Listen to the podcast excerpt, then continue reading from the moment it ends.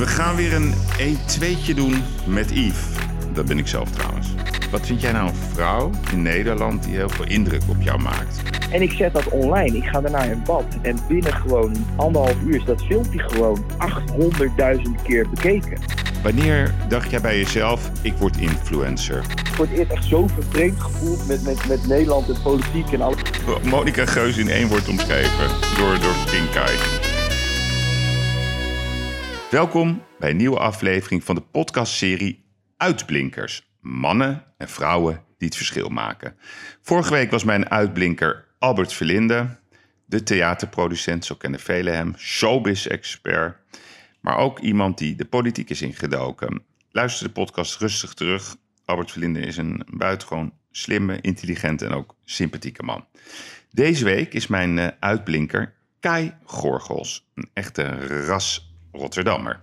Grote mond, klein hartje. Hij is pas 30 jaar en heeft een hele bijzondere carrière achter de rug. Een influencer. Iemand die de influencerswereld als geen ander kent. En hij is vooral bekend om Kai-typetjes.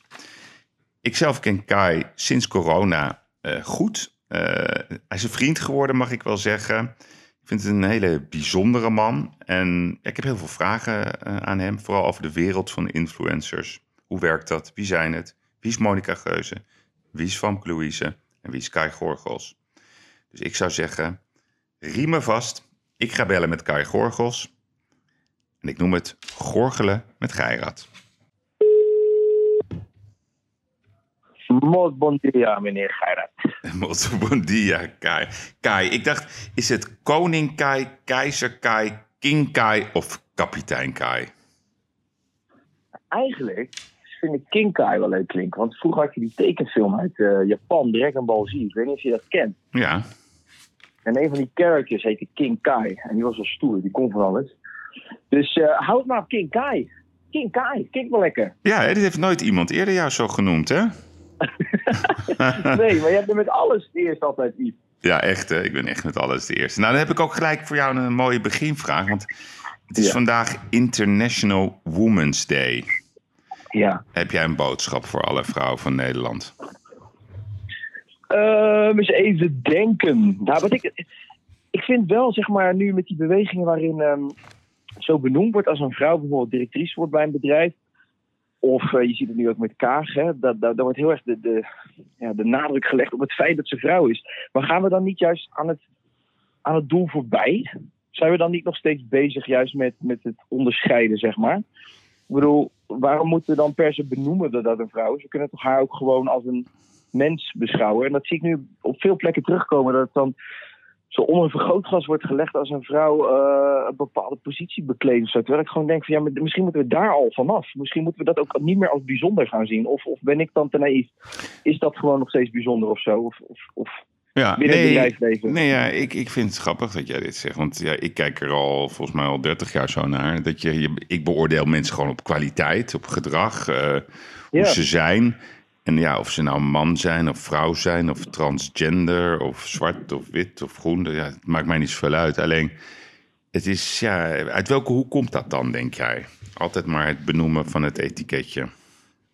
Nou, ik heb wel het idee dat het uit Amerika komt. Het is wel overkomen waaien. Dus Hmm. daar, uh, ik, vind dat, ik vind dat heel heftig geworden, weet je wel. Je zag dat afgelopen jaar natuurlijk ook met die Black Lives Matter demonstraties. Uh, ik kreeg het gevoel dat er alleen maar veel meer spanning ontstond Ja. door die discussie heen. Iedereen ging zichzelf ook verantwoorden. Uh, ja, maar ik ben geen racist. En, en Ja, mensen ja. kregen discussies die ze nog nooit hadden gehad. Hmm. Uh, mensen van kleur, mensen die wit zijn, mensen van, uh, van Aziatische afkomst die al jaren bevriend zijn met elkaar, die gingen ineens dat gesprek voeren van, ja, vind jij dat ik, vind, je, vind jij dat ik discrimineer of voel jij je gediscrimineerd? Terwijl ik, dacht hè, er ligt ineens heel veel spanning op dat onderwerp. Terwijl ik dat vanuit mijn eigen persoonlijke ervaring eigenlijk nooit zo heb ervaren, weet je wel. Dus uh, ja, ik vond dat vrij heftig, die periode. Maar misschien dat ik ja, dan ook te veel in mijn eigen bubbel zit, waar dat gewoon nooit een, uh, nooit een issue is geweest. Of je, of je vrouw bent of. Uh, Nee, nee, nee. hebt. Ja, bij mij ook niet. Maar goed, desalniettemin, ehm alle voordelen even opzij zetten. Dan nog steeds wil ik voor jou een boodschap voor de vrouwen van Nederland. Jij wil een boot. Nou, ja, Van ja, King misschien Kai, moet hè? Van King Kai, hè? Dan. Ja, King, King, nou ja, vrouwen, laat je, laat je door mannen niks wijs maken. Ik bedoel, Kijk. Volgens mij heeft iedere vrouw gewoon exact dezelfde competenties. Misschien fysiek niet per se, maar wel eh, in ieder geval qua, qua hersencapaciteit heeft een, eh, doet een vrouw helemaal niks onder voor een man. Hm. Eh, heeft een vrouw ook nog eens heel veel dingen die een man niet kan. Dus ik zou me gewoon helemaal niet aan de kant laten zetten. Wat, wat, wat vind je typisch vrouwen? Nou, ik denk dat vrouwen toch, wat, toch ergens wel wat zachter zijn ehm, dan mannen. Niet allemaal, want vrouwen kunnen ook streng zijn. Ik bedoel, er zijn zat directrices, denk bij grote bedrijven die net zo hard kunnen zijn als een man. Maar Hm. vrouw, vrouwelijke energie voelt toch anders dan mannelijke energie. Eh, daar krijg je ook wel het een en ander mee voor elkaar. Dus als je daar als vrouw goed op weet in te spelen, dan eh, denk ik dat je ook wel eens een voorsprong kan hebben op, eh, op, op een man. En dan wil ik echt niet dat je dan je lipstift moet opdoen en dat je dan wat verder komt als een man. Maar gewoon de vrouwelijke energie benutten. We weten allemaal hoe dat werkt, toch? Als een vrouw binnenkomt en die, die, die, die staat voor, voor wat ze zegt en die, die, die is charmant en die heeft een bepaalde uitstraling. Ja, als man ben je dan toch vaak wel een beetje van, oh ja, oké. Ja, ja, nee, zeker. Ja, je bent toch een beetje, eh, ze heeft je dan toch een beetje in de tang. Dus nee, ik, ik vind, dus mijn boodschap zou zijn, laat je door geen enkele man wijsmaken dat je iets niet kan wat een man wel kan. Eh, we zien het in de sport, we zien het overal terugkomen. Hm. Vrouwen en mannen moeten gewoon eh, zijn on the same page. En ik vind dat we dat gewoon ook niet meer moeten benoemen. We zijn Heel goed. mensen en Point, point taken. En als je er dan toch één vrouw, want ik had het vanochtend bij het ontbijt over. Ehm, wat vind jij nou een vrouw in Nederland die heel veel indruk op jou maakt? Gewoon als je gewoon, niet je eigen vrouw, dat vind ik cliché, maar gewoon, ja, nee. mijn moeder. Ja, je moeder, ja, ja, dat begrijp ik ook. Ja, dat is lief. Nee, even, even, even, even niet, niet de familie. Gewoon een, Nee, een- nee, vrouw in. Nederland dat je zegt van ja, die maakt wel indruk op mij. Ja, ja. Nee, ik, moet echt, ik moet er wel even over nadenken. Moeilijke vraag, hè? Ja, het is grappig. Ja. Ik kwam uit op Sonja Barend. Ik weet niet, dat is echt dat- voor jouw tijd nog, hè, denk ik zelfs. Dat was echt een fantastische interviewster. Helemaal van het volk ook. Eh, Ja. ja. scherp, eh, op de man af. Dan zeggen sommige vrouwen, waarom niet op de vrouw af? Dat is nou eenmaal een spraaktaal. Ehm, ja, ja eh, charmant ook, eh, vrolijk, slim. Ja, iemand die Ja, altijd maar... Ik denk dat veel mensen haar zouden noemen van jouw generatie. Want ik weet Ja. dat zij heel vaak terugkomt. Ja, Zij kwam echt bij mij meteen... Ja, zeker indruk. Ja. Mhm.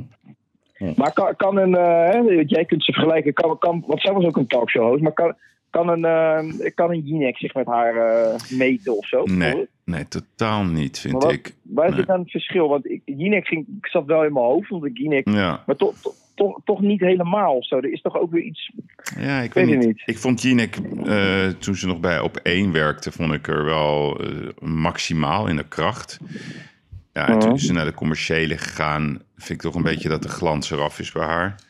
Eh, ze Ja. is heel leuk en eh, ze is een lieve vrouw. En eh, ze, ze is redelijk veelzijdig. Alleen ik vond, vond haar spannender en interessanter toen ze ja, toch een beetje dat onafhankelijke kader had. En als je, ja, er is niks ten nadele van de commerciële hoor, maar dat is toch een ander verhaal. Ja, nee. En ik vind ook, ik vind ook op inhoudelijke gronden, dat, dat kan je niet vergelijken met Sonja Barend. Sonja Barend is echt een ander niveau. Het is een beetje eh, Johan Cruijff vergelijken met, eh, ja, nou, een hele goede rechtsback. eh, met, hoe heet die, Kromkamp. Ik weet niet of je die nog kent. Ben je, ben je aan het zeilen, Kai? Zit je te zeilen of niet? Wat zei je? Het leek wel of je aan het zeilen was, maar dat is niet het geval. Toch? Wanneer? Nu? Ja, nee, je zit gewoon lekker rustig op je stoel. Ik zit lekker. Zeg nog, ik lig op bed. Oh, lekker man. Ja, joh. Oké, Nee, maar ik nee. heb wel de raam openstaan. Ik kan hem dicht doen. Ja, misschien was dat het. Ik hoorde toch wat wind. Ja, Ik de, dicht. ja sensitief. Oké. Kai, kijk, Ja. wat, wat ik vandaag eh, met jou wil doen. eh, ik, ik, het was heel leuk. Ik heb bij jou in de podcast gezeten. Ehm, dat was, eh, vond ik sowieso een hele mooie ervaring. En ik verbaasde Een me. er- daverend succes. Nou ja, ja, je maakt de Dat grap zeggen af. we het zelf. Nee, maar ik vond het wel echt opmerkelijk hoeveel jongeren, door hoeveel jongeren ik ook op, op straat ook ben aangesproken. Dus eh, ja, ik vond het heel plezierig om dat te doen. Nou, daarnaast hebben we om de een of andere manier door de podcast en door corona een, een, een band met elkaar gekregen. Ja, alsof we elkaar Ja, al, al, jaren kennen. Alsof je mijn broer bent. Of dat jij, ja gewoon, ik weet niet, we spreken op de een of andere manier dezelfde taal. Dus we hebben toen ook de afspraak gemaakt. ik ga jou ook in mijn podcast uh, vandaag spreken. En ik begreep dat het een ontmaagding is van jou vandaag. Want je geeft veel interviews, je organiseert zelf ook veel podcastshows. Maar je hebt nog nooit zo'n podcast vanuit uh, de andere kant gehad. Klopt dat? Of heb je hem Ja, op nee, verkeerde klopt been gezet? Nee, nee, oké. Nee, nee, ik heb jou gewoon weer in je reet. Nee, nee, nee. nee. Nou, het klopt wel echt. Ik had, ik had op een gegeven moment best wel veel aanvragen voor podcast. Maar als je zelf een podcast maakt, dan, eh, dan hoor je jezelf de hele tijd praten. En ik had Mhm. zoiets van, ja, weet je, dan ga ik weer daar een, eh, een, een verhaal zitten doen. En dan komen weer de standaard vragen. En ik, ik, ik dacht bij mezelf, ja, weet je wel, dan, dan, dan hoor je jezelf wel heel graag praten. Hm. Dus ik zeg er gewoon heel veel af. Ook omdat, kijk, mijn podcast is niet zozeer een interview waarin ik gewoon alleen maar vragen stel. En degene die tegenover mij zit, degene die tegenover mij zit, mag mij ook vragen stellen. Dus ik vertel in die podcast al best wel veel over mezelf. En als je dan ook nog in tientallen andere podcasts over jezelf gaat zitten praten. Nee, ja, dan, precies. dan, dan, weet je wel, dan, dan, dan sta je ochtends ook volgens mij net te lang naar jezelf te kijken in de spiegel. Dus ik dacht, laat dat lekker gaan. Dan word je, dan, word je, dan word je een beetje de Appie Osterhuis van de podcastwereld. Ik wou net zeggen, ja. En dan, dan, moet ik, dan ga ik iedereen helemaal angst inboezemen en zeggen Ja. hoe erg en gevaarlijk het allemaal is. En dan, dan, dan ga ik vertellen over de Australische variant en dan noem het allemaal maar op. Nee, duidelijk. hey, maar even Kai, voor ons, wij hebben ook, ook, ook oudere luisteraars. Kijk, jij bent een influencer. En ik vind het ook leuk. Ik, ik heb ook, ik ben, vandaag heb ik zo'n lekker kopje koffie, watertje bij en een beetje college ook. Zo zie ik het ook. Jij gaat mij ook Ja. een beetje college geven over de wereld van influencers. Kan jij mij uitleggen, ehm, wat is dat, een influencer? Eh, hoe, om dat te zijn, eh, hoe word je wakker? Ben je de hele dag bezig met luisteraars? En ook aan mij uitleggen ehm, wat het verschil is tussen de verschillende channels. Hè? Dus YouTube, eh, Instagram, Facebook, Twitter, nou, et cetera, et cetera. Ja. Nou ja, de, de, de- zeg maar de term influencer is natuurlijk, eh, het betekent gewoon wat het betekent in het Engels. Dus dat is, ja, je hebt invloed blijkbaar, social influencer. Hmm. En dat baseren ze eigenlijk gewoon op, op, eh, op basis van je bereik. Dus als je een groot bereik hebt, of dat nou op YouTube is of op ehm, Instagram of TikTok, gewoon een groot bereik. Dus mensen volgen jou. En Want even tussendoor, je, jouw cijfertjes, kan je die even noemen? eh, op eh, mijn, mijn cijfertjes, we gaan gelijk over cijfertjes. Ja, ja, ja, ja. Ja, bij de accountant, hoppa, even die jaarcijfers deponeren. Ja. Nee, op eh, Instagram bijna 600.000 volgers. Op YouTube 140.000 en op TikTok 100.000. Ja. En Facebook 275.000. Maar daar maak ik niet zo heel veel gebruik van. Dat is een beetje een oud medium, Facebook. Maar ehm, ja, dus die, die, die term influence is volgens mij, komt die gewoon uit die marketinghoek. Want wat al die merken die hebben gezien, hey, die, die, die gasten en die meiden die hebben een groot bereik. Dus die, eh, die kunnen ons product verkopen, want dat die volgens van ze aan. Dus het zijn, ze hebben invloed. Dus weet je wat, een social influencer. Zo is volgens mij die term. Volgens mij is dat gewoon een marketingterm. Eh, maar dat wordt nu allemaal een beetje op een hoopje gegooid. Je hebt mensen die op YouTube, eh, je hebt eigenlijk de ouderwetse YouTubers in Nederland. Dat zijn, eh, dat zijn bijvoorbeeld de mensen die, ik denk dat de mensen Enzo Knol eh, allemaal Mhm. wel kennen. Eh, in ieder geval van naam, Dylan Hagens. Monica Geus is eigenlijk ook wel echt nog een ouderwetse YouTuber. Stuk TV, die zijn begonnen op YouTube. Ja, En dan heb je eigenlijk ook verschillende degradaties. Hè? Dus je hebt de, de term vlogger. En vlogger betekent eigenlijk gewoon ja, vlogging. Dus je, had je hebt bloggers die schrijven.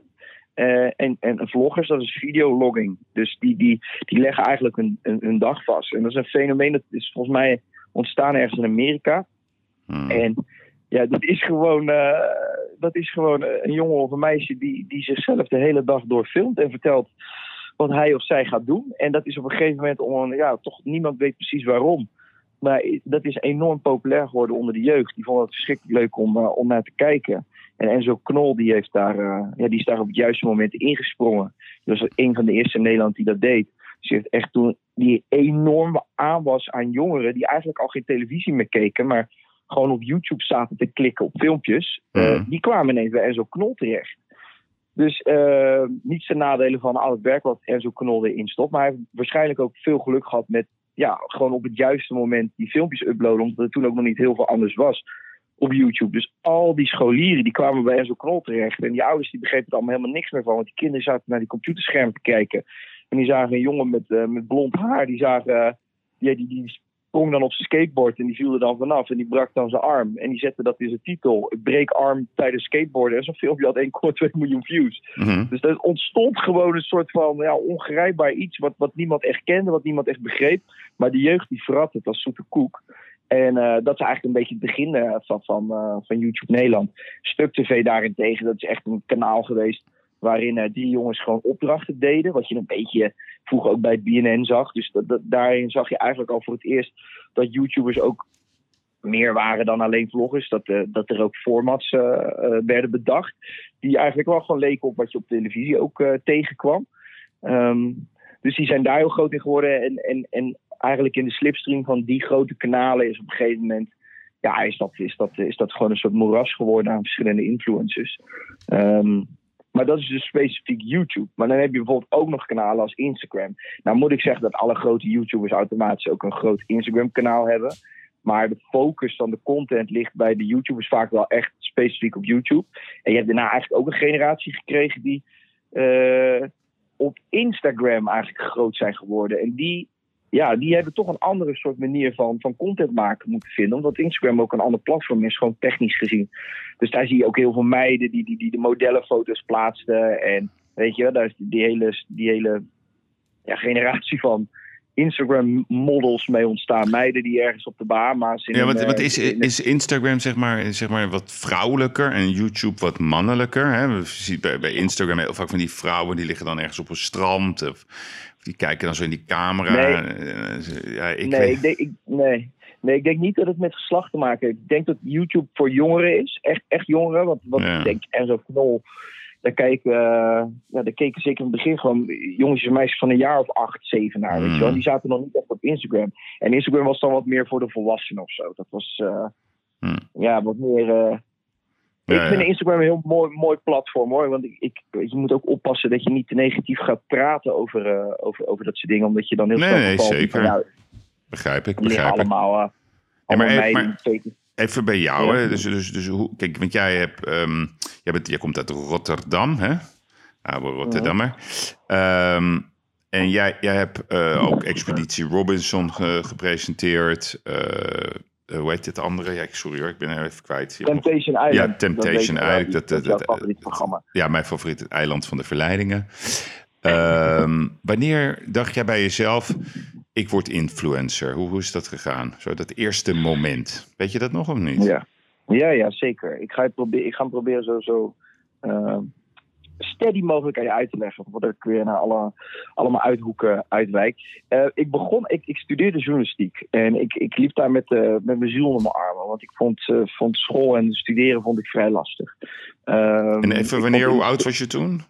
Waar zijn we Mm, nu? Dit was, dit was rond mijn 22e, denk ik. 23e. Ja, en je bent nu 32, en, hè? ehm, eh, ik ben 30 nu. Oh, 30, oké. Ja. Ja, oké, En zeven eh, ik, ik, ik liep op de school van, van journalistiek en ik kon me daar niet aarden. En ik, ja, ik was een beetje een vreemde eend in de bijt. En eh, ik, ik heb eigenlijk altijd al het gevoel gehad dat ik niet voor een baas zou gaan werken. Mhm. En ehm, op een gegeven moment, eh, ja, ik ging naar mijn moeder toe, die zat in de woonkamer. En mijn stiefvader zat erbij. En ik zeg maar, ik zeg, ik ga die studie niet afmaken. En toen zei ze, ja, oké, maar ja, zoals alle moeders dat dan doen. Eh dit is al studieschuld, want ik had echt vol bijgeleend in die tijd. Hè. Ik leefde echt gewoon van mijn studiefinanciering. Ik dacht altijd bij mezelf, joh, komt wel een dag dat ik dat kan terugbetalen. Eh, maar ja, dat moet je tegen je moeder zeggen. Die, eh, die krijgt gelijk de rode vlek in de nek natuurlijk. Dus die had zoiets van, ja, maar wat ga je dan doen? Heb je een plan? Toen zei ik, nou ja, ik heb nog niet per se een plan. Maar ik, ik ga je wel beloven dat als ik binnen een jaar niet iets heb wat, eh, waar ik gelukkig van word... en waarvan jij denkt, hé, hey, daar, daar zit wat in, daar, kan- daar, daar kan die wat mee... Dan, eh, dan, zorg ik dat ik, weer- dan zorg ik dat ik weer terug ga studeren of iets. Maar geef mij in ieder geval de ruimte om te bewijzen dat ik, dat ik iets kan vinden waar ik wel gelukkig van word. En, Hey, en even, wat Kai, dan- even tussendoor, want waar is de vader in dit verhaal? Mijn vader is overleden toen ik 17 was. Oké, oké, sorry, dat wist ik niet. Ja. Nee, dat maakt niet uit. Dus, mijn, eh, dus tijdens dat gesprek zat, eh, zat ik dus met mijn moeder en mijn stiefvader, eh, Piet. Mhm. Een hele lieve man. Zie ik niet als mijn nieuwe vader, maar wel echt als iemand die heel belangrijk is geweest na het wegvallen van mijn vader. Mhm. En ook wel iemand die heel erg met mij heeft meegedacht en die een functie, een rol heeft gehad in ja, het volwassen worden zeg maar, van mij en mijn broer. Dus Dus ehm, mijn stiefvader zei toen tegen mijn moeder van... ja, maar als die jongen nu met zijn ziel onder zijn armen dat schoolgebouw binnenloopt... dan, heeft, dan heb jij er niks aan, heeft- die jongen heeft er niks aan, niemand heeft dat. Dat kent alleen maar verliezers. Hmm. Dus geef hem die ruimte. Nou, toen heeft mijn moeder echt met, met, met toch wel enige stress en eh, een hoop zenuwen gezegd... oké, nou dan, dan moet je stoppen met je studie en dan, dan ga je maar aan de slag. Maar ik had nog helemaal geen plan, Yves. Maar ergens in mijn achterhoofd wist ik al van... ik ben gemotiveerd, ik ben gedreven, er komt wel iets. Ik ga wel wat vinden, maar ik moet gewoon weg bij die stramine van die school. Ik moet ruimte krijgen in mijn hoofd, want ik werd tijdens mijn studie alleen maar beperkt in eh, vrije geest. Ik werd alleen maar klein gehouden voor mijn gevoel. Hmm. En toen, ehm, toen was ik eigenlijk altijd de clown aan het uithangen bij vrienden. En toen zei één vriend tegen mij op een, weet ik veel, zaterdag in de stad. Hij zegt, ik, ik had helemaal een raar stemmetje opgezet van een typetje of zo. Toen zei hij van, moet jij dat nou niet een keer filmen en op YouTube zetten? Toen zei ik, ja. En wie was deze? Dit is een mooi moment dit. Wie was deze vriend?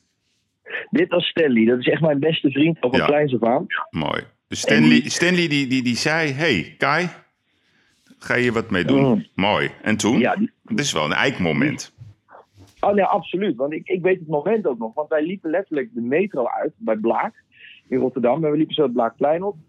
En ik deed iets geks of zo. Of ik nam iemand in de maan die erbij was. En hij zegt, Karim, serieus, zet dit eens op YouTube. We hebben nou een nieuw platform. Met, eh, daar kan je allemaal video's op zetten. En Hmm. hij zegt, probeer het gewoon eens. En toen zei ik, nee, er zit niemand op te wachten. Nou, lang verhaal kort, uiteindelijk toch gedaan.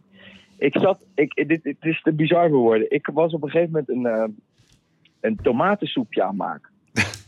en in de, in de keuken bij mijn ouders thuis. En ik op een gegeven moment, ik eh, zette een Rotterdams accentje op. En dat tomatensoepje was aan het pruttelen. Dus ik riep heel hard, lekker pruttelen, tomatensoepie. en ik gooide er wat metaforen uit. En ik nam dat op en ik stuurde dat in, in, in, zo'n groepsapp naar vrienden toe. En toen zei hij van, oké, maar dit, zet dit nou eens online. Toen heb ik dat op Instagram gezet. En toen kreeg ik daar ineens zoveel reacties op. En er kwamen allemaal mensen naar me toe die zeiden, hey, je moet dit vaker doen. Dus ik zei tegen hem, nee, misschien zat er toch wel wat in. Je had gelijk, want eh, ik kreeg veel reacties, wat grappig. Ik ga dat gewoon eens één keer in zoveel tijd doen. Maar ik had ineens tijd zat, hè, want ik, ik had geen school meer. Dus ik kon gewoon volle bak met die filmpjes aan de slag. En ik echt, ik heb mijn schuur helemaal leeg gehaald. Ik heb allemaal attributen gepakt. Ik ging mezelf verkleden, noem het allemaal maar op. En echt het ene filmpje naar het andere filmpje ging online. En toen zette ik dat eerst nog op mijn privé Facebook en privé Instagram. Maar ja, toen werd ik toegevoegd door allerlei, allerlei mensen die ik niet kende. Eh, die zeiden van, ja, mag ik je alsjeblieft volgen, want ik wil die filmpjes van jou zien. Toen dacht ik, nou, weet je wat, ik maak een pagina aan. Ook helemaal niet over nagedacht, gewoon gelijk gezegd, dit wordt Kai's typetjes. Helemaal, helemaal niet nagedacht over dat dat groot zou worden. en Dat ik Maar naam toen, toen, nee, maar dat is ook wel mooi. Want toen bedacht je ook Kai's-typetjes. Dat, Ja, toen dat, dat, ik dat kwam ook zo echt uit je arm. Dus het was niet eh, heel lang nadenken. Nee, Kai's-typetjes. Dat kwam er zo in één keer Nee, uit. ja, dat, ja, dat was gewoon Kai's typetjes. En Geestig. Toen heb ik dat online gezet. En, eh, dus een openbare Facebookpagina gemaakt. Toen hebben diezelfde Stanley en ik, die zijn eigenlijk onze hele vriendengroep die we toen hadden op Facebook uit gaan nodigen om die pagina te volgen. Hmm. Zodat je een beetje traffic had op het begin. En voor de rest was die natuurlijk gewoon openbaar. Dus iedereen die daar terecht kwam, die kon, eh, die kon daar op. En eh, toen heb ik binnen, binnen een week tijd, kwamen er, had ik 7000 volgers. Ja, ja. Ja, weet je, dat is, dat is echt krankzinnig als je, als je zeg maar nog helemaal geen voorbeelden hebt van mensen die online zeg maar groot bereik hebben. En zeker ook niet als je het niet bewust zo hebt geprobeerd of dat dat je plan was. 7000 mensen. Toen liep ik voor het eerst door Rotterdam door de stad. Toen ging iemand een filmpje nadoen die mij zag. Een vreemd iemand. Ja, ja. En toen dacht ik ineens van, holy Hey. shit. En toen zei En waar zitten we nu, Kai? Kai, zitten we nu? 2014, 15? Ja, ik denk dat is, soms vind ik het een beetje moeilijk wanneer dat ik denk, ja, ik wil maar 23e, 24e. Ik denk dat dat zo'n beetje die periode was, ja. Ja, oké. Dus je opeens merk je van, hé, hey, mensen zijn het aan het bekijken. 7000 volgers. En toen? Wat gebeurde er toen? Nou ja, toen ben ik eigenlijk eh, doorgegaan met dit, eh, met dit hele proces. En eh, ja, toen, toen, toen was er eigenlijk nog helemaal niet duidelijk wat je daar nou mee kon. Hè? Dus wat, wat mensen die kwamen op straat kwamen je tegen. Ik weet dat Rotterdam Rijnmond deed ineens een interview met me. Het AD, de lokale versie van het AD, wilde een interview met me. En het was allemaal van, ja, jongen, op, eh, op daverend succes op Facebook. Ja, ja, ja. Maar ik, ik wist op dat moment niet wat mijn succes nou precies was. Als in van, oké, nou, ik geef mensen er een...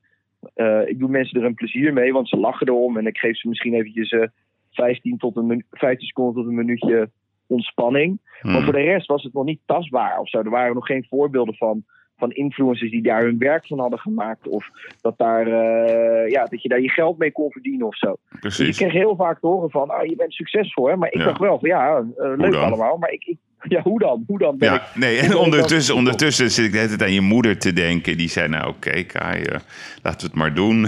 en ja, enorm succes. Maar op een, gegeven moment, moet je ook de rekeningetjes betalen. Wat was het moment, Kai, dat je dacht van... hé, hey, dit is ook een businessmodel. Dat je er ook gewoon een bedrijf van kon maken. Wanneer, was, zeg maar, wanneer kwam de eerste klant die zei van... Nou, ik wil wel sponsoren. Weet je dat nog? Eerste moment? Ja, ja, ja. Ja, dat was eigenlijk... Ik had een, uh, ik had een filmpje gemaakt. Die heette de Technovlinder. En dat is misschien op Facebook mijn, uh, een van mijn best bekeken filmpjes. Even een hele korte uitleg. Het was eigenlijk gewoon een, een typetje die ik speelde.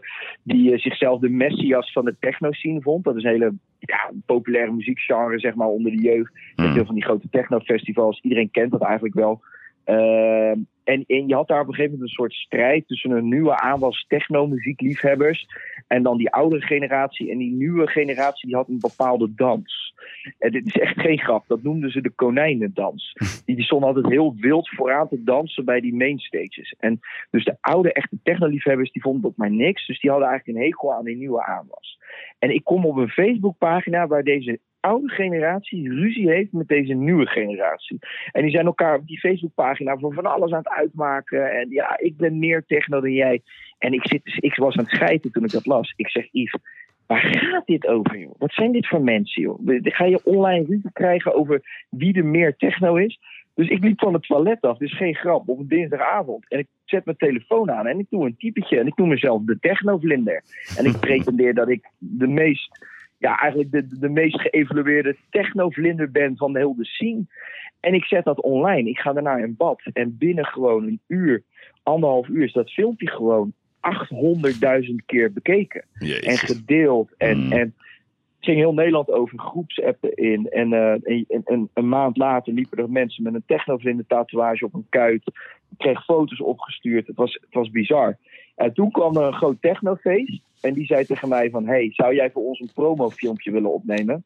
Hmm. En zou jij daar... Uh, zou jij daar... Uh, ja, wat vraag je daarvoor? Nou ja, dus toen, toen, toen was het moment daar. Toen dacht ik, oké, ja, nu gaan mensen... We, weet je nog wat je daarvoor gevraagd hebt? Ja, ik denk dat dat 1200 euro was of zo. Ja, ja dus je was nog heel netjes beschaafd. En je zegt, nou, hoe kom je op zo'n bedrag ook? 1200 euro. ja, dat, dat, dat weet ik niet eens. Nee, maar zo begint dat. Ik had ook nog geen management. Nee, nee, nee, oké. En, en, en op dat moment denk je, het werkt. En, en wanneer begon je het gevoel te krijgen dat het ook echt een, een onderneming aan het worden was? Hè? Dat bedrijven jou gingen benaderen. Kan je dit, kan je zus, kan je zo. Weet je dat nog, welk jaar dat was? Dat het echt begon? Ja, ik denk, ik denk dat het echt begon tussen mijn 24 en mijn 25ste. Ja, ja. Uh, ik weet dat ik toen, uh, toen ben ik, kreeg ik een management ook. Hmm. Uh, want die zagen op een gegeven moment, was het wel opgevallen, zeg maar, dat ik zo'n groot bereik had. Dus er was een van de aparte jongen in Rotterdam die, uh, die heel veel weergave haalde op zijn filmpjes. Toen kreeg ik een uitnodiging bij een managementbureau, waar ik nu overigens nog steeds zit, een Million Faces. Hmm. En Lenneke van Ingelen, de, de eigenaresse, die, die zei: Joh, Kai, uh, leuk die typetjes. maar volgens mij heb jij nog veel meer in je mars. En ja, wat, wat, wat zijn je ambities? Zou je bijvoorbeeld willen presenteren? Dus ik, nou ja, eigenlijk lijkt me dat best wel leuk. En hmm. ik denk ook wel dat ik dat kan. En toen zei zij, nou ja, dan gaan we jou gewoon proberen op, op presentatieklussen te krijgen. En dan gaan we echt bouwen aan het merk Kai. En dan gaan we ook vooral kijken hoe we uh, naast jouw typetjes eigenlijk ook nog een andere kaai kunnen neerzetten. Want je beperkt jezelf natuurlijk enorm door iedere keer als een maloot uh, filmpjes vol te schreeuwen. Hmm. Uh, dat is leuk voor je volgers, maar commercieel gezien is dat niet altijd het handigste. En ik, ja, weet je wel, ik, wil, ik ga ook niet de rest van mijn leven alleen maar dat doen. Dus ik had ook wel iets van, ik vind het ook wel leuk om uh, mezelf wat meer te verdiepen en te verbreden. Dus zeg maar, laten we dat doen. En eigenlijk vanaf dat moment uh, is volgens mij gewoon, uh, is dat volgens mij gewoon ontstaan. Toen kreeg ik steeds meer klussen, uh, commerciële klussen. Vervolgens werd ik bij Concentrate aangenomen. Dat was een online kanaal van RTL. Die probeerde zeg maar een online platform op te starten om naast RTL 4, 5 en 7 een soort online afdeling te creëren. En daar begon ik te presenteren met bijvoorbeeld Monica Geuze en allerlei andere grote YouTubers. Ja, En, want, eh, want even ja, terug ja. naar die tijden van dat presenteren. Want je hebt Temptation Island gedaan. Was dat een van je grootste klussen die, waar je mee begon? Nee, nee, want dat, dus, dus ik begon dus met, tent, of ik begon met, eh, met Concentrate. Maar toen was ik echt, Ja. weet ik nog wel gezien. Nee, precies. Dat, als presentator. Maar wa- wanneer kwam zeg maar het moment dat je Temptation Island ging doen en Expeditie Robinson? Nou, ik werd op een gegeven moment gevraagd om eh, mee te doen aan een expeditie Robinson. Ja. Ze wilden er een YouTuber in en toen Ja. hebben ze mij gevraagd van, joh, eh, vind je dat leuk? Toen heb ik de finale gehaald en dat was best wel gewoon een ja, populair seizoen. En toen vonden, Wanneer was dit, Eh, Robinson? Weet je dat nog? nou, dat was toen ik 27 was, dus dat is drie jaar geleden. Ja, ja. En, en even voor mijn informatie. Ik, heb er, ik kijk er niet heel vaak naar, daar moet ik je eerlijk over zijn. Maar is dat veel regie? Wordt er veel in elkaar geflanst? Of is het er echt Nee. allemaal echt? Nee, dat is wel echt. Ik, waarom ik het zo, zelf zo'n goed programma vind, dat is niet omdat ik het nu presenteer, maar eh, dit, is, dit is reality. Als je het hebt over reality, dan is dit programma gewoon, eh, denk ik, het beste reality-programma van Nederland. Omdat je kunt hier niet jezelf anders voordoen als je dat je bent. Want je Mm. krijgt honger, je slaapt slecht, je ziet gewoon de ware aard van het beestje. En dat, is niet, dat, dat kan je misschien max vijf dagen verhullen. En daarna ga je gewoon nat. En dat is heel heerlijk aan het programma. Want Maar wat is nou de gouden truc? Hè? Wat, wat ik bedoel, moet je goed zijn in het manipuleren? Moet je een beetje Mark Rutte zijn? Wat, wat is zeg maar de ideale, als je het nou vertaalt naar de politiek? Hè? Want daar moest ik aan denken. Ik denk, ja, Robinson is dan ook een beetje politiek. Wat is nou de ideale, wat is de ideale persoon eh, in zo'n Robinson om uiteindelijk eh, op, op, bovenop die apenrots te staan? Ja. ja, ik denk als je een soort Pieter Omzicht bent, dat je er snel uit ligt. ja? Ja, Pieter Omzicht. Nee, ik mag Pieter Omzicht wel. Maar Pieter Omzicht, die, die, eh, die, ja, die kan zijn mond niet houden. Hè. Soms, moet je toch je mond, soms moet je toch je mond houden. En je moet een beetje een allemansvriend zijn. En je moet, je moet goed zijn, maar je moet ook geen bedreiging zijn. Of niet een te grote bedreiging. Ja, ja, precies. Ja, ja. Als jij vanaf dag één alle proeven wint, ja, dan ben je de tweede sjaak. Want dan willen ze je gelijk wegstemmen. Dus het is, het is, het is echt wel gewoon... ehm, ja, er zitten veel facetten aan. Je moet fit zijn, je moet inderdaad sociaal zijn. Eh, je moet ook gewoon tactisch sterk zijn. En hard moet je ook wel zijn. Ik bedoel, ik heb echt gewoon mensen naar huis gestemd, wat ik gewoon echt moeilijk vond. En dan kan je zeggen van ja, het is maar een spel. Maar geloof mij, als je daar al drie weken zit zonder eten, zo'n eilandraad die wil naar huis stemmen waar je dan al lief en leed mee hebt gedeeld, dat is echt heftig hoor. Dat, dat, is, en, en moet je kunnen liegen ook? ja, je nou ja, ja, ik heb niet echt gelogen, maar je moet wel. Niet eh, echt. Moet, wat is dat? Niet moet wel je echt. mond kunnen houden. Ik heb niet echt gelogen. Een beetje gelogen. Ja, ja, een beetje gelogen. Ja, gewoon een beetje zo van dat je denkt van nou, ik hou- ik op dit moment even wijselijk mijn mond. Terwijl gewoon je echt wel weet wat je gaat En doen. met, met wie zat jij toen in de finale? Met Wie, wie waren jouw laatste tegenstanders, jouw opponenten? Ik zat met Soen, Soendos en, eh, dat, mijn, en, en mijn seizoen deden er dus vier onbekende Nederlanders mee. En Mhm. dat was Carlos en hij was een judoka, Oh, ex-judoka. En eh, hij, heeft ook, eh, hij heeft ook uiteindelijk gewonnen. Die gozer was niet normaal fit nog bij die laatste proef. Dat was echt eh, bizar. Die heeft gewonnen en ik ben tweede geworden. En eh, dan, zit je vijf, dan heb je dus vijf weken, vijf en een halve week op het eiland gezeten. Maar wat is nou jouw tip voor, voor alle deelnemers aan Robinson die, die daar nu zitten? Wat is, wat is de gouden sleutel? echt het allerbelangrijkste is. Hou nou gewoon die eerste drie dagen gewoon een beetje je klep. Want je, die mensen die komen aan op het eiland en die gaan gelijk eh, in, die, ja, in die modus van: oké, weet je wat, ik ga eens even laten zien wat ik allemaal kan. Ja, ja, ik heb gewoon survival- stilte. Survival, Mooi. ja, survival cursus op de Veluwe genomen. Ik ga eens even laten zien hoe je het hele eiland in brand steekt. Weet je? Dat moet je niet doen. Hmm. Gewoon een beetje nederig zijn en gewoon eh, analyseren. Oké, aan die heb ik dit, aan die heb ik dat. En daarna gewoon knallen tijdens die proeven. En, zo, en, en, en lol blijven maken. Want als jij mensen kan laten lachen, dan ben je belangrijk voor het kamp. Dan willen ze dat je er blij- bij blijft, want de sfeer is enorm belangrijk. En, bij, en bij, dat, bij dat Temptation Island, hè, hoe ging dat dan? Eh, want jij, presenteerde dat met eh, Jolante? Of hoe ging dat? Met wie deed je Ja, dat? ik heb dat eerst, ja, eerste twee seizoenen met Jolante gedaan. En eh, nu het laatste seizoen met, eh, met Monica. Hmm. Ehm, en ik had, ja, dus ik had Temptation, of Expeditie die finale gehaald. En toen kreeg ik eigenlijk heel snel eh, klussen bij RTL om ook echt te gaan presenteren. Dus eerst Temptation, nog een ander programma met John Williams heb ik gedaan. En daarna ook eh, Expeditie Robinson. En Temptation, ja, dat is gewoon mijn guilty pleasure. Dat kijk ik al sinds, sinds, sinds vroeger, toen dat nog op Veronica was. Hmm. Ik, ik vond het fantastisch. Dat waar, waar, waren jouw laatste locaties? Want de laatste heb je met Monica Geuze gedaan. En waar was dat? Eh, dat was in, eh, in Italië, in Puglia. En daarvoor Oh, heb ik één keer in, in Mexico en in Thailand gedraaid. En hoe lang ben je daar dan met elkaar? Mm, die opnames die duren tussen de twee en de drie weken ongeveer. En ehm, ja, ja, ja, een expeditie ben je met, met reizen en zo bijna zes weken weg. Nee, maar dan, dan zit je zeg maar met zo'n zo'n Temptation aan. Je twee, drie weken daar echt in the middle of nowhere. Of in ieder geval heel ver weg van huis. Hoe sterk staan de, zeg maar, de presentatoren in hun schoenen qua verleidingen? Lijkt me ook niet zo makkelijk. ja, nee, daar moet je wel eerlijk over zijn, King Kai. Nee, absoluut, absoluut. Het is geen, eh, het is geen geheim dat, eh, dat buitenlandproducties eh, voor, voor een hoop mensen uit de televisiewereld moeilijk zijn. Hè?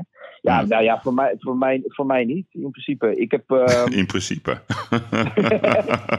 Wat is Nee, dat? ja, ik was, ik was de laatste twee jaar ben ik, ben ik niet meer vrijgezel geweest toen ik op buitenland klussen ging. Hmm. Dus ja, kijk, ik ben nog heel erg verliefd. Dus ik heb niet zo heel veel problemen met het feit dat ik dan even twee weken van huis ben. Ik heb nog geen kinderen. Ik zit nog niet in een fase waarin ik denk, oh jezus, ik ontsnap aan mijn vriendin. Hmm. Ik zit meer, Nee, ja, precies. Je mist er eerder. misschien, Nee, is mooi. misschien heel suf, maar ik, ik facetime met mijn vriendin en ik zeg, Jess, oh, je, wil- je wil niet weten wat ik vandaag heb meegemaakt. Dus, maar ja, kijk, ik bedoel, eh, ik, ik, ik, ik kan me voorstellen als ik dadelijk eh, eh, 15 jaar verder ben, ik heb twee kinderen en je krijgt een buitenlandklus, je mag naar het buitenland twee weken, dat je misschien anders in de wedstrijd staat. Dat eh, geloof Nou, ik wel. de lekkere, lekkere boodschap aan Jesse dit, zeg hé. Ja, maar ja, wij, wij kunnen overal over praten. Oh, oh ja, echt waar. Want wanneer ga je haar te huwelijk vragen? Ja, dat wil ik wel snel doen. Wanneer? Dit jaar? Nou, In mei of nou ja, zo? dat is, Dit, dat mooi. is snel. Nee, ik zit, ik moet wel eerlijk 21 zeggen, juni. Hmm. Ik moet wel eerlijk zeggen dat ik eigenlijk eh, eerst kinderen zou willen hebben. Ja? krijgen. Ja. Ja, ik heb niet zo heel veel zelf met het huwelijk. Dus eigenlijk met, met, met trouwen aan zich. Gewoon, eh, mannen hebben dat sowieso minder hoor. Maar ik weet wel, dat- ja. ja, ik weet, ik weet dat Jess het heel graag eh, zou willen. Ik begin ook een beetje half te fluisteren, want ze ligt hier. eh, ja, ik merk het. Het zit echt heel, Ja, heel dus tactisch te opereren. Nee, maar, Ja, ja, ik moet, maar Kai, dat ik niet dadelijk de, je wilt wel kinderen. Je wilt wel kinderen dit jaar. Dit jaar al kinderen? Nee, nee ik, ehm, ik, ik zeg nu binnen, binnen nu en twee jaar zou Oké, dus binnen twee jaar. Maar dan moet je ook binnen twee jaar hard ten huwelijk vragen. Want dat, dat, dat kan gewoon niet. Je kan, dat, vrouwen zien dat echt anders. Neem dat aan van deze man met ervaring. Dat, een vrouw vindt dat belangrijk. Dat je voor haar gaat en dat je er het hof maakt. Rode loper uitgooien. Mooi, romantisch. Ja, Ja, joh, maar dat, dat, dat ga ik ook allemaal wel doen. Ja, Dat ga ik ook allemaal wel doen, dat romantische. Dat komt allemaal wel goed. Maar dat ik, ik eerst kinderen, man, dat is voor mij een veel grotere levensdoel. ja, maar voor de vrouw is het ook belangrijk dat je voor haar kiest. Ja, maar dat ga ik ook wel doen. Ja, oké. Oké, nou ja, ik ga er nog even over nadenken. Ik moet nog even knutselen met data. Ja, je mag nog even, je mag nog heel even over nadenken. Ik geef Ja, nog, ja, he- ja. nog heel even de tijd. Hey, Oké, dus dat was dat, ehm, dat eh, Temptation Island. Maar ik hoorde ook Jolante, want het ging je toen al met, eh, met ehm, Jesse? Ja, ja. Beide keren dat je met haar presenteerde. Ja, want de, nou, de, ja, de eerste keer waren wij echt net, net samen, denk ik. Ja. Oké, dus even voelen in love. Oké. Hey, ehm, dan even die wereld van die influencers. Hè? Dat vind ik wel leuk. Want we, we hebben bijvoorbeeld, je noemde net Monica Geus. Hè?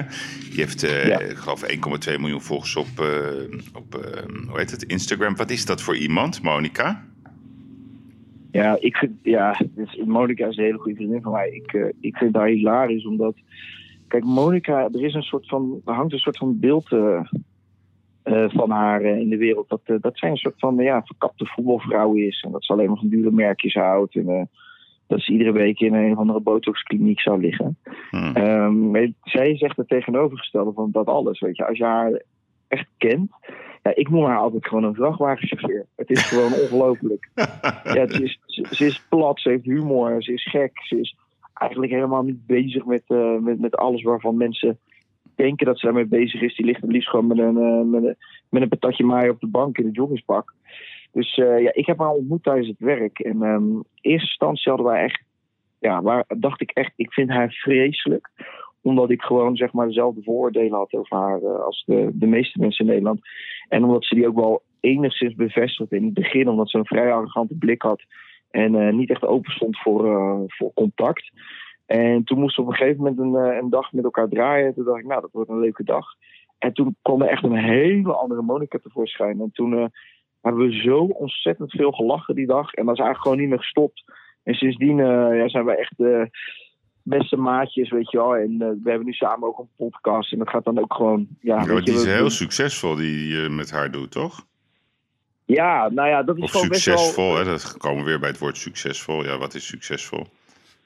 Nou ja, het wordt gewoon goed. bek- We hebben binnen drie weken, binnen drie weken hebben we eh, de nummer één positie op Spotify te pakken. En dat was op zich best wel Heel uniek, knap. omdat eh, Zeker.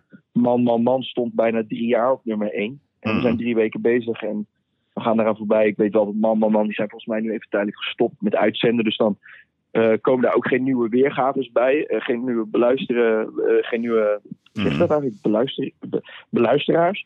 Dus, maar goed, nee, daar zijn we heel blij mee. En dat, dat is gewoon ook gewoon. Kijk, ik heb heel veel, ik heb heel veel mannelijke vrienden. En Maar zij dat is ook wel heel geil. zij is zeg, maar een vrouw in, met, met mannenhumor en al dat soort dingen. Want je noemt er ook... Ja, als je haar in één woord typeert, zeg je dan vrachtwagenchauffeur? hey, Monica Geus in één woord omschreven. Door, door King Kai. ja, zeg maar gewoon vrachtwagenchauffeur. Zo noemen we het, dat is gewoon haar bijnaam van mij. Ik noem Ja. het gewoon haar koosnaamje geworden. Ja. Mooi. Vindt ze niet erg, toch?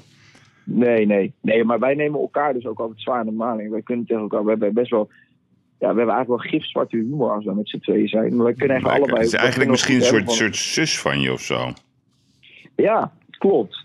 Hm. En ehm, dat zie je, dat zie, maar dat, zie je, dus- dat hoor je dus ook terug in die podcast. En ik krijg dan zoveel berichten van mensen die zeggen: Ja, ik vind het zo ontzettend grappige dynamiek. Hm. Dat je, ja, ten eerste, jullie zijn man en vrouw, maar je, je voelt en je proeft gewoon dat jullie goed bevriend zijn. Jullie kunnen elkaar echt zwaar in de zijk nemen. Dus ook gewoon, er doet er ook geen onder voor de ander, weet je wel. Je, je pakt elkaar op alles. Ook, eh, zij zegt ook wel eens wat over Jazzy en dan zeg ik wat over haar vriend eh, Rob, weet je wel. En dat is gewoon, maar dat, dat kan allemaal. En dat, maar als het dan serieus is, dan kunnen we ook gewoon gelijk overschakelen. En, eh, Nee, Ik maar ik, ik, ik, ik moet je eerlijk zeggen, ik heb één keer ehm, ben ik naar jullie gaan luisteren en eh, ik vond dat eh, ja, eigenlijk prettig. Er zat een hele goede dynamiek in en ja, continu elkaar eigenlijk verrot schelden op een aardige manier. Dus het, het stru- ja, stru- structureel beledigen.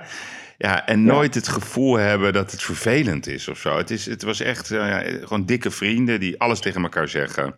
En ik had echt Ja, het gevoel, ja, dat is gewoon een broer en een zus. Die houden van elkaar. Die zullen niet de fout maken om, ehm, om seks met elkaar te hebben. Maar ja, die vinden elkaar gewoon helemaal te gek. En eh, door dik en door dun. Dat gevoel had ik heel erg toen ik naar jullie zat. Weet je wat ook zo, weet je wat ook zo mooi is? Hè? Kijk, ik, ik, wij, wij mannen kijken altijd naar de, het uiterlijk van een vrouw in eerste instantie. Zeker als we ze nog niet hebben horen praten. hè. Dus stel je voor dat we gewoon op straat iemand voorbij zien lopen. Dan kijken we naar een vrouw en dan op basis van haar uiterlijk gaan dan een aantal scenario's in je hoofd spelen, die spelen zich af, toch? Hmm, Eh, nou kan. ja, knap. Daar zou ik wat mee eh, kunnen. Daar zou ik een schuitje mee willen eten, noem het dan maar op. Maar het rare is dus, kijk, op het moment, ik zie ook dat Monica is een hele eh, knappe meid. En die heeft enorm veel eh, eh, jongens die haar volgen, ook gewoon puur op basis van haar uiterlijk. En zoiets hebben van, eh zoals ik die Monica ooit een keer tegen zou komen, dan, dan heb ik de dag van mijn leven. Maar het rare is dus, op, op het moment dat je iemand echt heel goed kent, dat je, dat, dat, dat je, dat je daar allemaal door, doorheen kijkt. Snap je wat ik bedoel? Hmm, Dat is inderdaad gewoon, op een gegeven moment ontstaat er inderdaad een soort broer-zus relatie. ja. En dan vervalt, dan vervalt dat allemaal. En Hmm. ehm, heel veel mensen vonden dat ook moeilijk om, eh, om te begrijpen. We hebben onze eerste aflevering ook bewust eh, als thema gegeven. Ja, mannen en, eh, en vrouwen kunnen die eigenlijk wel bevriend zijn. Nou ja, dat is, ja, dat is voor jongeren best wel uni- eh, Zeker voor als je de 20 plus en zo. Ja, kan dat, hè? Nou, blijkbaar Ja. wel. Ja, jullie zijn matties, hè, om het zo maar te noemen. Echte diepe matties. matties, Ja. mooi toch? Koester het. Ja, man. En zij is ook wat heel goed, heel goed met Jazzy en ik ben heel goed met Rob, weet je. Dus dat, dat Ja. is ook top. En dat is ook niet geen jaloezie, weet je? Dat, eh, dat, dat hij jaloers op jou of, of, of jouw vrouw op haar. Dat helemaal niet. Nee, Nou, uniek. nul. Uniek. maar wij staan er ook allebei wel zo in, omdat wij nu inmiddels zo lang bevriend zijn. En eh, bij mij is Jessie daar later bijgekomen en bij haar Rob. Hmm. Dat ja, als onze partners moeten dat gaan accepteren. Want wat, ik, ga, ik, ik zou niet in het beginsel een vriendschap opzetten met geen enkele, ook niet, los van Monica, ook niet met andere vrienden die ik heb. Omdat mijn partner zegt van ja, daar, daar, heb, ik, eh, daar heb ik iets op tegen. Ja, dan, Hmm. dan, dan, eh, Ja, dat lijkt me dan is het lastig. niet mijn partner. Nee, nee, precies. Mooi, uniek, koester het. hey, Ja. en, en, en eh, nog eentje even, want jij kent die wereld. Famke Louise, wat is Ja. dat? Dat klinkt een beetje raar. wat is dat? nee, Dat is een gerecht. Ja, het is een heel Italiaans gerecht, ja precies. Lekker een beetje met de boe. Nee, dat is geen goede vraag. Wat is dat? Wat is dat? nee, ja, Louise is, eh, is begonnen, is begonnen Ja. op YouTube. Ook. En Ja. eh, eigenlijk een beetje min of meer eh, erin getrokken door haar toenmalige ex, die Tim.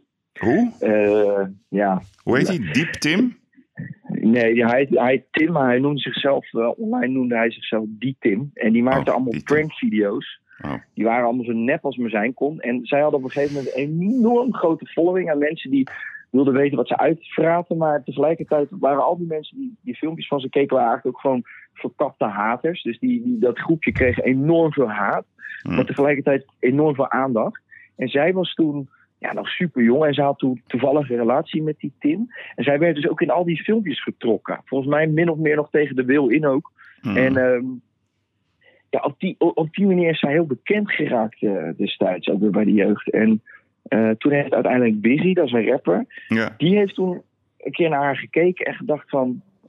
Volgens mij kunnen we wat met jou eh, op basis van eh, muziek. En kunnen we voor jou een soort van eh, ja, pop-icoontje maken in Nederland. En die, die is met haar aan de slag gegaan. En ja, weet je, smaken verschillen. Maar één ding, daar moeten we het over eens zijn. Hè? Dat is dat, dat, dat ze toch daardoor nog populairder is geworden. En, Dat ken je Ja, haar toen- toen- zelf ook? Of, of persoonlijk? Of Hoe bedoel je? niet echt? of ik haar ken. Ja? Mhm. Ja, ik heb een zwak voor haar. Ja, nee, ik, vind, ik, ik vond haar namelijk zo... Kijk, ik ken haar vanaf eh, zeg maar dat debat wat ze had met Eva Jinek en Diederik Mm. Gommers. En ik vond eh, ja, zelf zo vals hoe ze haar aanpakte. Weet je, dat meisje zat daar met de goede intenties. Eh, die maakte natuurlijk een fout door te zeggen... ik heb respect voor corona, maar even laten we eerlijk zijn. Nee, maar ja, dat is natuurlijk allemaal heel grappig. Maar het is best stressvol om met zo'n moeilijk onderwerp daar live te gaan zitten. En dat is heel erg. En, Ja. toen, en toen daarna werd ze eigenlijk gewoon ingepakt door Jinek en Gommers. En Gommers die deed echt dat trucje van, ah, kom maar lekker bij mij en dan gaan we het samen doen. Ja. Terwijl de kern van wat zij zei. eh, het mooiste voorbeeld vond ik het eigenlijk. Dat staat over de familie die piloot is. Dat ze zich daar zorgen om maakte. Zij was eigenlijk de eerste die zich publiekelijk uitsprak. Hè? Alleen de campagne, ik doe niet meer mee. En het framen wat er daarna kwam. Het was misschien net iets te vroeg. Maar ja, ik, ik, ik vond het. Ik had graag daar aan tafel gezeten. Om, om met haar, eh, zeg maar, dan die strijd te voeren. Want wat ik heel unfair vond van dat moment. De afspraak was, de, namelijk nadat dat OMT was opgericht. dat in de tweede fase ook jongeren mee mochten praten en denken. Dat had Jinek moeten Ja. vragen aan Diederik Gommers. Maar wat ze Ja. deden. Ja, was eigenlijk van alle kanten van Louise aanvallen. Ik vond het, ehm, ja, ik had echt met haar te doen, want terwijl ik haar heel moedig vond op dat moment.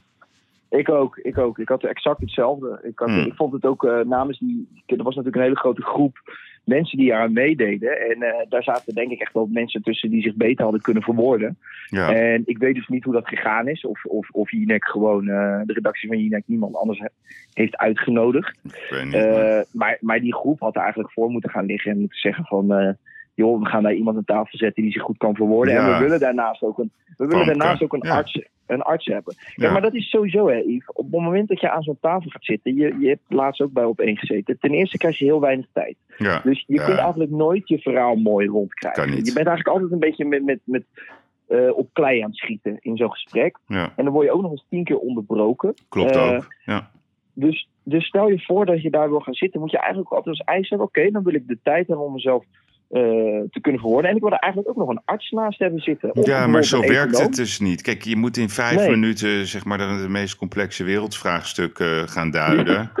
Ja, ja, nee, het is, het is echt het is krankzinnig. En daarnaast is het zo, het ligt er heel erg aan hè, wie daar achter die microfoon zit. Maar sommigen, ja, die onderbreek je echt werkelijk waar binnen 15 seconden om hun punt te maken. Eigenlijk moet je ook met glazen gooien. Ik heb er wel eens over nagedacht om gewoon met glazen te gaan gooien. Dat deed Joran van der Sloot toen bij Peter Oh. Oké, dat is dan wel een beetje een slecht voorbeeld dan. Maar ja, nee, maar het is, het is gewoon, het is eigenlijk armoede. Als je erover nadenkt. Maar kijk, in corona is dit onze houvast. Weet je, mensen zijn veel thuis, dus daar kijk je naar. Maar ik ga je voorspellen dat zodra zeg maar, corona weer een beetje normaliseert, dan dondert dat helemaal in elkaar.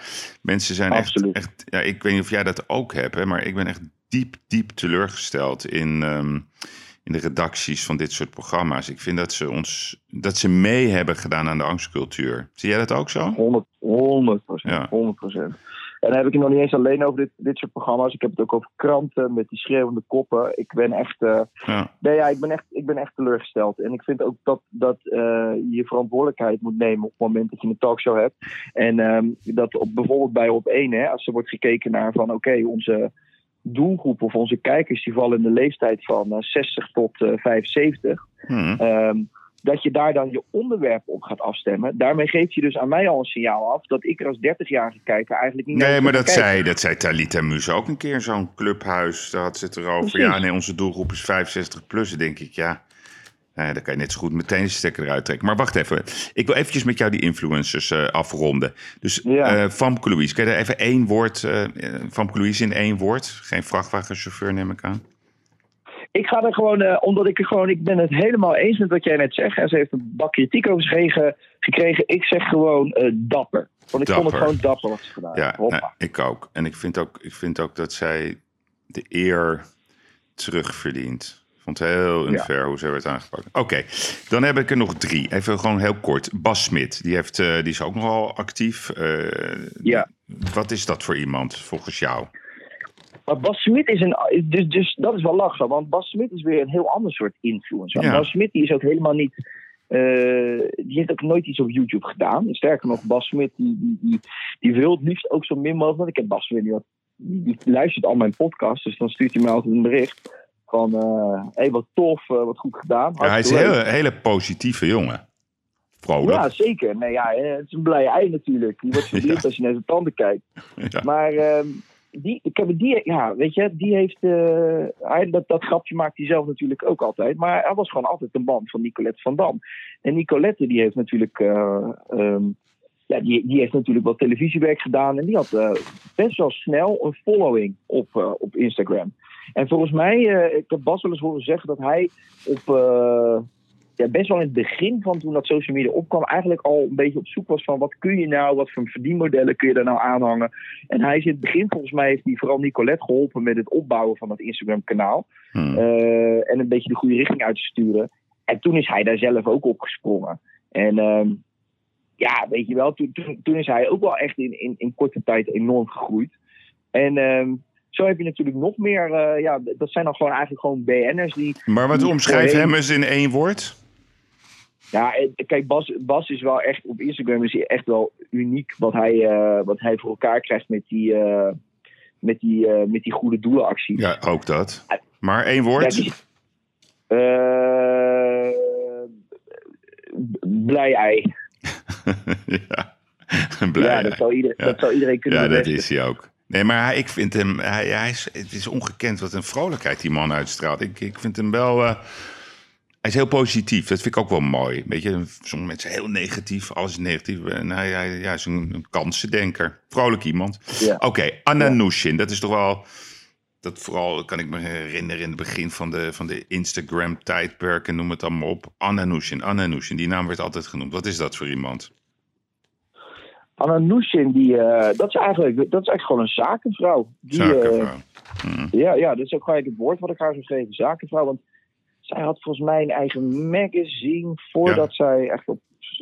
Ja, zakenvrouw. Ze zit nu ook in dat museum in Amsterdam. En, Mm. eh, Ja, nee, maar dat kan, duidelijk. En Gabi Blazer? jeetje, Kabi Blazer. Ja, dit, zij, zij was een soapie. Zij zat in GTST.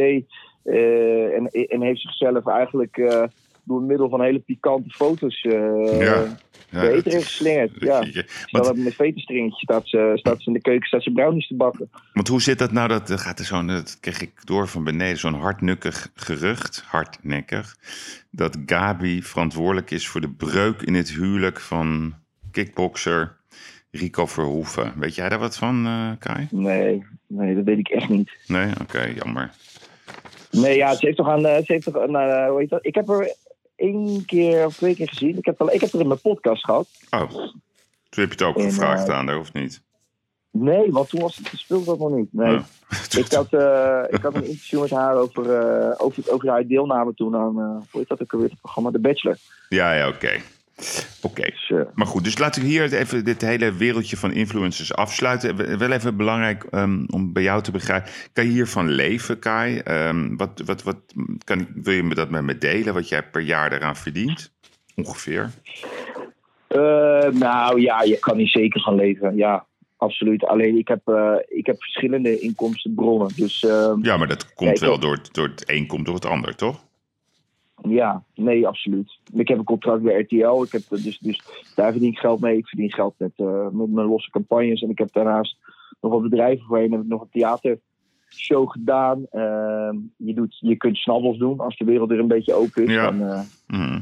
dus ja, nee, er zijn verschillende manieren. Ja, nee, je kan niet heel goed van leven, absoluut. Ik, Maar, maar eh, is dat voor wat- jou six-figure inkom per jaar in een normaal jaar?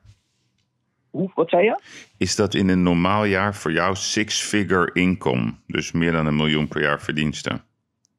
Nee, Dat niet? Nog- Nee, nee. nog niet. Nee, nee, oké. nee. Maar je, je zit- ja. nee, oké, maar dat, dat kan. Ik bedoel, voetballers. eh, maar die zitten, zit je een beetje eh, in de, in de Rutte-norm of daarboven dan? Ik denk iets erboven wel. Ja, Ja, oké. Nou, dat is netjes, is netjes. Toch? Ja, en, en even nog, ik ben gewoon heel nieuwsgierig. Hè? Want je ziet nu dus steeds allemaal, van die nieuwe ontwikkelingen. Je hebt nu Clubhuis, hè? dat is een soort levende podcast... dat je lekker met z'n allen een beetje kan praten. Nou, dat is een hype. De vraag is of je het eh, vol kan houden. Hoe zie jij zelf, zeg maar, eh, de wereld van, van, van, van influencers in de komende drie jaar? Wat, wat voor iemand moet je zijn? En twee, wat voor technieken gaan we terugzien? Wat verwacht jij zelf? Ja, je moet toch wel. eh, je, moet, je moet creatief zijn. Die, die, e- kijk, wat je op een gegeven moment ziet, je hebt altijd één iemand die begint met vloggen. En dan krijg je daarna een hele grote stroom aan mensen die dat gaan nadoen. En in het begin kun je daar nog wel een beetje op meeliften. Maar op een gegeven moment is het te veel. En dan, dan zijn mensen hier zat. En dan blijven echt alleen de, de goede over. En dat heb je op Instagram ook gezien. Hè? Op een gegeven moment had je heel veel meiden die allemaal hetzelfde deden. Die gingen dan allemaal naar Parijs. Dit is geen Ja. grap, hè, Yves? Ja. Er zijn meiden uit Nederland. Die reden ochtends vroeg naar Parijs om in Parijs foto's van zichzelf te laten maken door een vriendin of, nog erger door een vriend. Dat is ook een heel, eh, dat is ook een heel fenomeen. Hè? Eh, vriendjes van Instagram meisjes die dan de hele dag als slaafs achter een meiden aanrennen om foto's te schieten.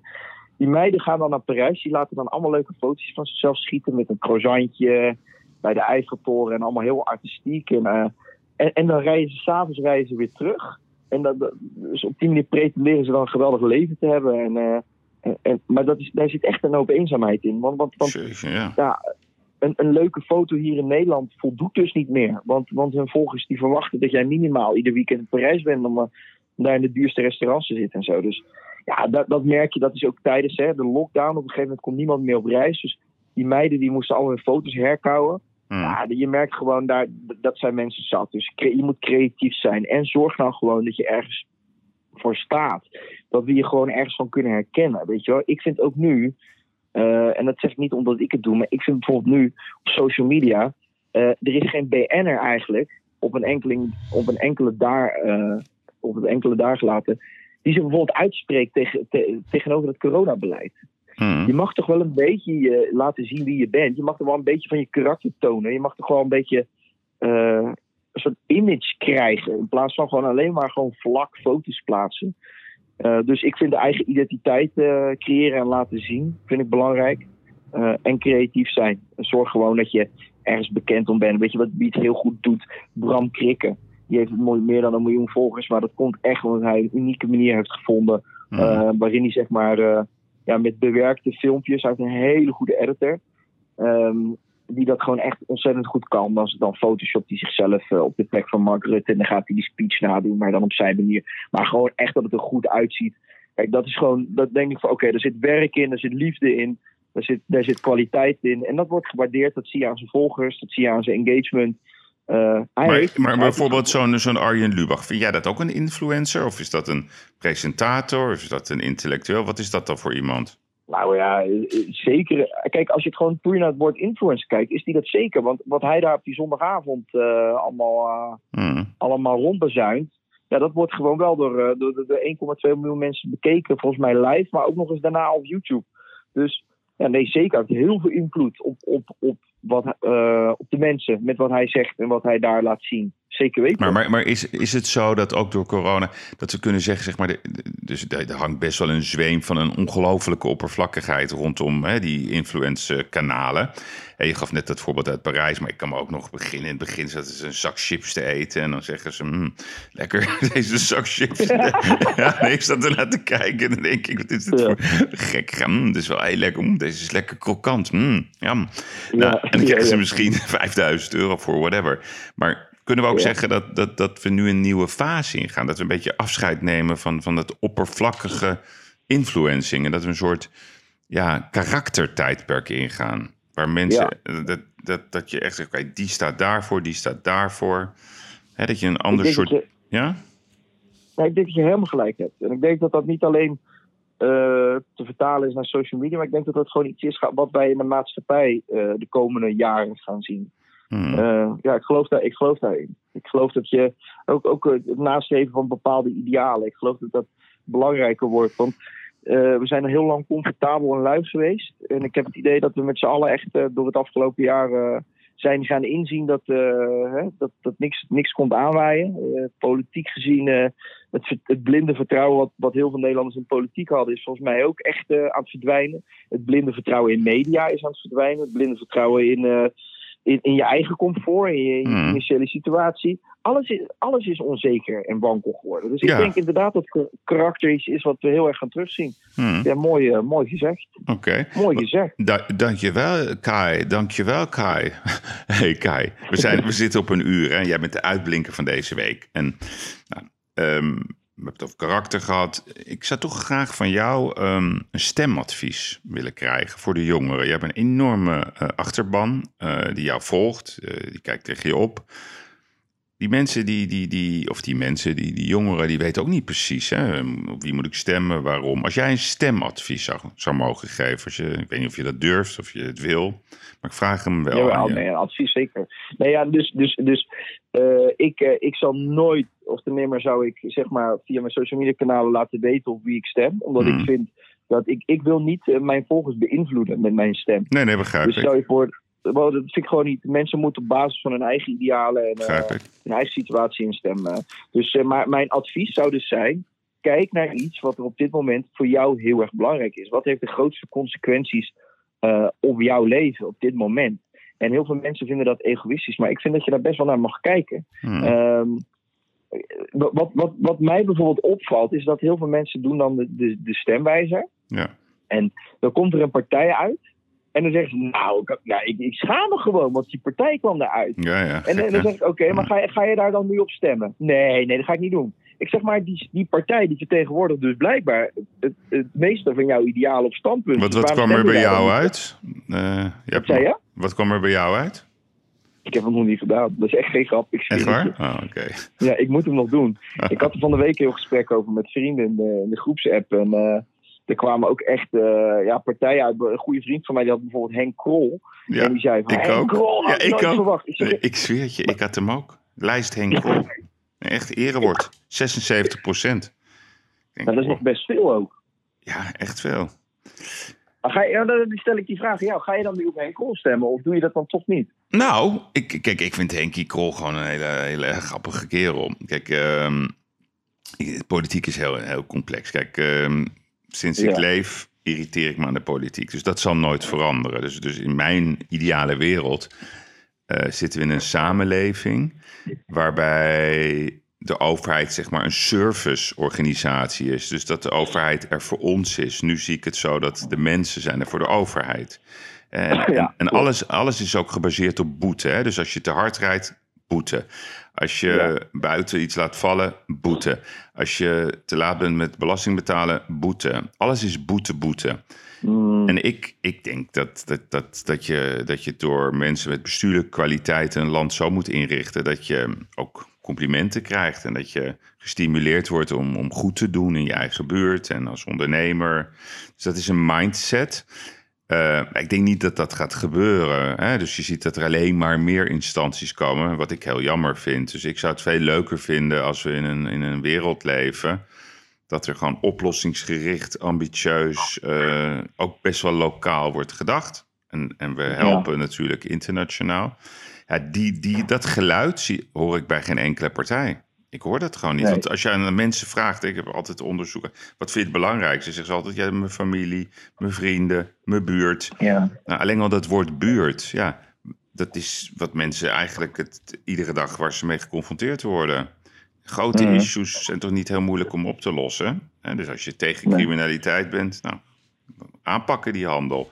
Als je mooie straten wil, zou ik zeggen, nou, maak die straten mooier. Maar ik had het met Erik over, hè? eh, vrijdag in de Ja. podcast. Toen, toen hadden we het over vissers uit Den Oever. Hè? Stel nou voor, die gaan elke dag eh, vissen, gaan de zee op. En dan heeft een visser, eh, is het net kapot. Dat gebeurt wel eens. Hè? Dus wat doet dan een visser? Nou, die haalt of een nieuw net, of die gaat het repareren. Dus ik zeg tegen Erik, maar wat doet de politiek? Nou, dan zaten wij zo, gaat eerst een onderzoek doen. Hoe kan het? Dan gaan ze dat onderzoek bespreken met de commissie. Die commissie die moet gaan uitzoeken wat de situatie is van de vangnetten van de vissers in Nederland. Vervolgens wordt dat Mhm. getoetst in een parlementaire enquête. Nou, dat wordt dan weer besproken in een commissie. En daarna gaan we dat vervolgens voorleggen aan de Vissersbond. En dan leggen we het voor in het ministerie van Landbouw. En inmiddels is de hele visserij failliet. Ja, het is, er Ja. zit geen logica meer bij. En ik, ik chargeer het nu en ik maak het belachelijk. Maar ik zou zelf, en daarom stel ik die vraag ook aan jou. Jij bent, eh, de, eh, vind ik toch een belangrijke stem van de jongeren. Ik wil een nieuw politiek landschap. Dat zeg ik dan als Ja. man met eh, ervaring. Een, een, een, een leuk, swingend, positief landschap. Waarin we ophouden met dat gezeik. En met al die complexe methodes. Dat, dat, Ja. Daarom vraag ik aan jou. Ja, wie vind jij dat daar het meest in de buurt komt? Wie vertegenwoordigt die Ja, stem het ik beste? Ik moet best wel boetekleden aantrekken, vind Oh. ik eigenlijk. Ik ben, Oké. 30, ik, nou, ik, ben der- ik ben 30 inmiddels en Hmm. ik heb eh, dit jaar voor het eerst, om, om, omdat ik zo geraakt word door die coronadiscussie en ik, en ik het zo niet eens ben met het beleid en ik het gewoon heel erg eng vind hoe eh, ja, bepaalde dingen door onze strot gedrukt worden. En eh, ja, Mhm. ik, ik, ik heb me voor voor het eerst echt zo vervreemd gevoeld met, met, met Nederland en politiek en alles. Maar ik moet eerlijk zeggen, ik heb me eigenlijk ook nooit druk gemaakt om politiek. Omdat ik gewoon een heel leuk, comfortabel leventje had. Ja. En dus ik kreeg eigenlijk helemaal niks mee van wat ze in Den Haag deden. En het interesseerde me ook geen fuck. Nee. En nu voor het eerst, omdat ik hier ook gewoon door getroffen word en dat het me echt aangaat, ga ik me ineens verdiepen in hoe de fuck zit onze politiek nou in elkaar? Hoe werkt het met En al dat die is ambtenaren? best, Hoe- best shocking, hè? Als je dat, dat gewoon... is heel shocking. En, en ook die, die machtsstructuren. En ik ben me ineens gaan verdiepen in Europa. En, en, en het stikt daar van ongekozen mensen die, die maar van alles roepen. En eh, Mhm. er zijn amper journalisten aanwezig als daar in Europa alle, allerlei debatten worden gevoerd. Het is, wa- wa- waar zijn wij in beland? Maar ik heb dus, omdat ik altijd egoïstisch, toch enigszins is dat egoïstisch, eh, gewoon mijn eigen leventje wel prima vond, maar nooit echt druk gemaakt om die beslissingen. Ja, maar eh, je bent echt een millennial, hè?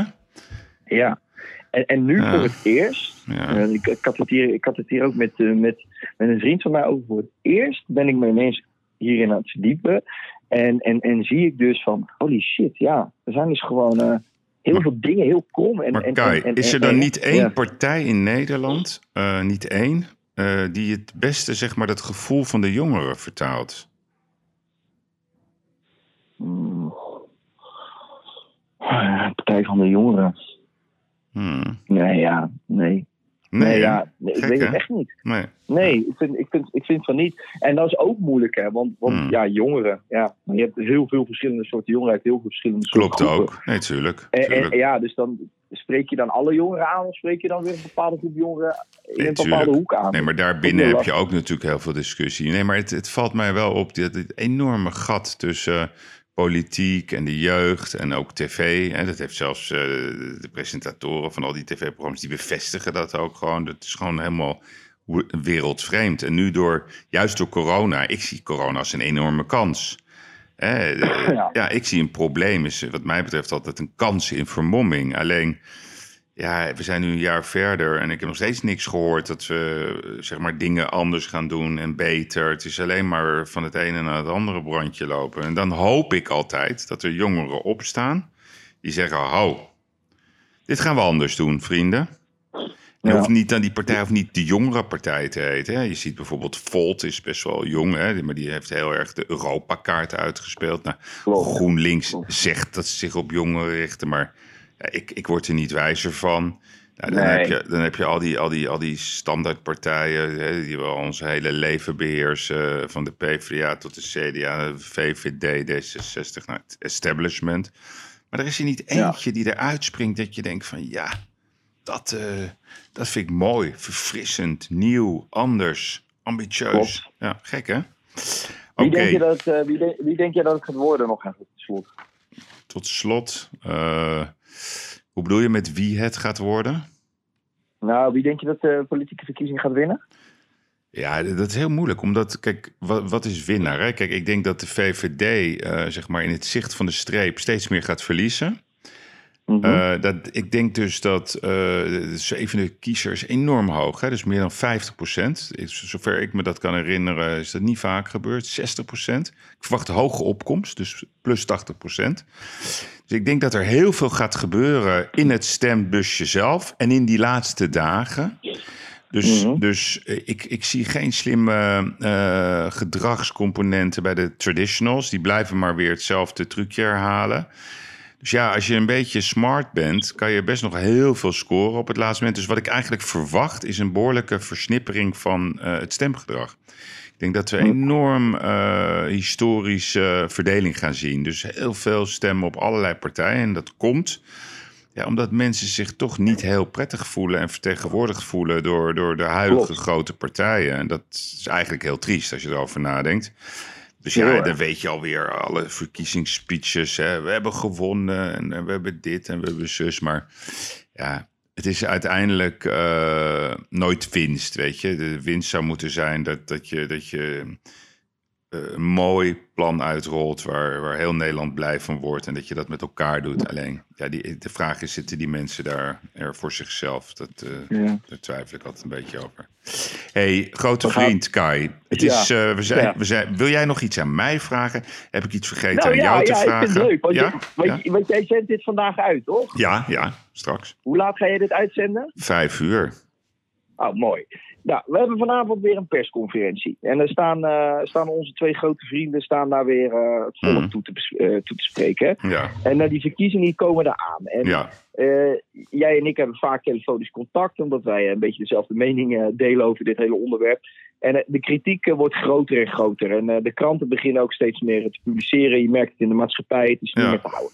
De, ik, gaan we vanavond uh, cadeautjes krijgen, net vlak voor de verkiezingen? En uh, is verlossende woorden van, van onze mannen? Of, of hoe zie je, wat denk je dat er vanavond gaat gebeuren? Nou, wat ik begrepen heb, en dat had ik ook, ook in eerdere podcasten die ik met Erik dan doe besproken. Uh, ze hebben hier heel veel over gesproken. Want ja. ze zeggen, als we nu hele grote cadeautjes geven, zijn we niet geloofwaardig. Dan zien ze dat als een verkiezingsstuntje, hè, de verkiezingscadeautjes. Als we niet, niks zeggen, dan vinden ze ons boos en bieden we geen perspectief. Dus ze zijn heel erg op zoek gegaan naar de sleutel. Nou, dus wat ik verwacht is dat ze een paar kleine uh, voordeeltjes gaan weggeven, maar dat ze vooral um, het perspectief vanaf 1 april gaan. gaan ja. hè, dus, dus, dus ik weet niet of je kan herinneren, Boris Johnson.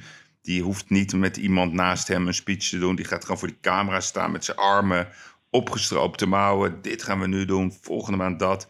En 21 juni dan gaan we helemaal open. En, eh, nou, together, we are strong, weet je. Het is ook een hele moeilijke job, maar dat vind ik uit het hart, weet je. Ik vind het mooi als, als, als leiders vanuit het hart spreken. Natuurlijk mogen ze fouten maken, jongen, kom op. Dat is logisch, maar vanuit het hart en niet altijd die, die speeches voorlezen die een paar van die, van die gasten aan het tikken zijn. Spindeltjes, ja. Ja, daar hou ik helemaal niet van. Dus nee. wat ik verwacht is uh, hele kleine uh, cadeautjes. Hè? Dus ja, eh, misschien nog iets meer contactberoepjes. Uiteraard iets voor, voor, voor de studenten. Daar verwacht ik wat voor. En ik verwacht wel dat ze zeggen: Nou, we kunnen zo rond de Pasen. Hè, dan kunnen terrassen open. Ik denk dat de grote cadeautjes voor daarna zijn. En dan is het, dan is het gedachtegoed.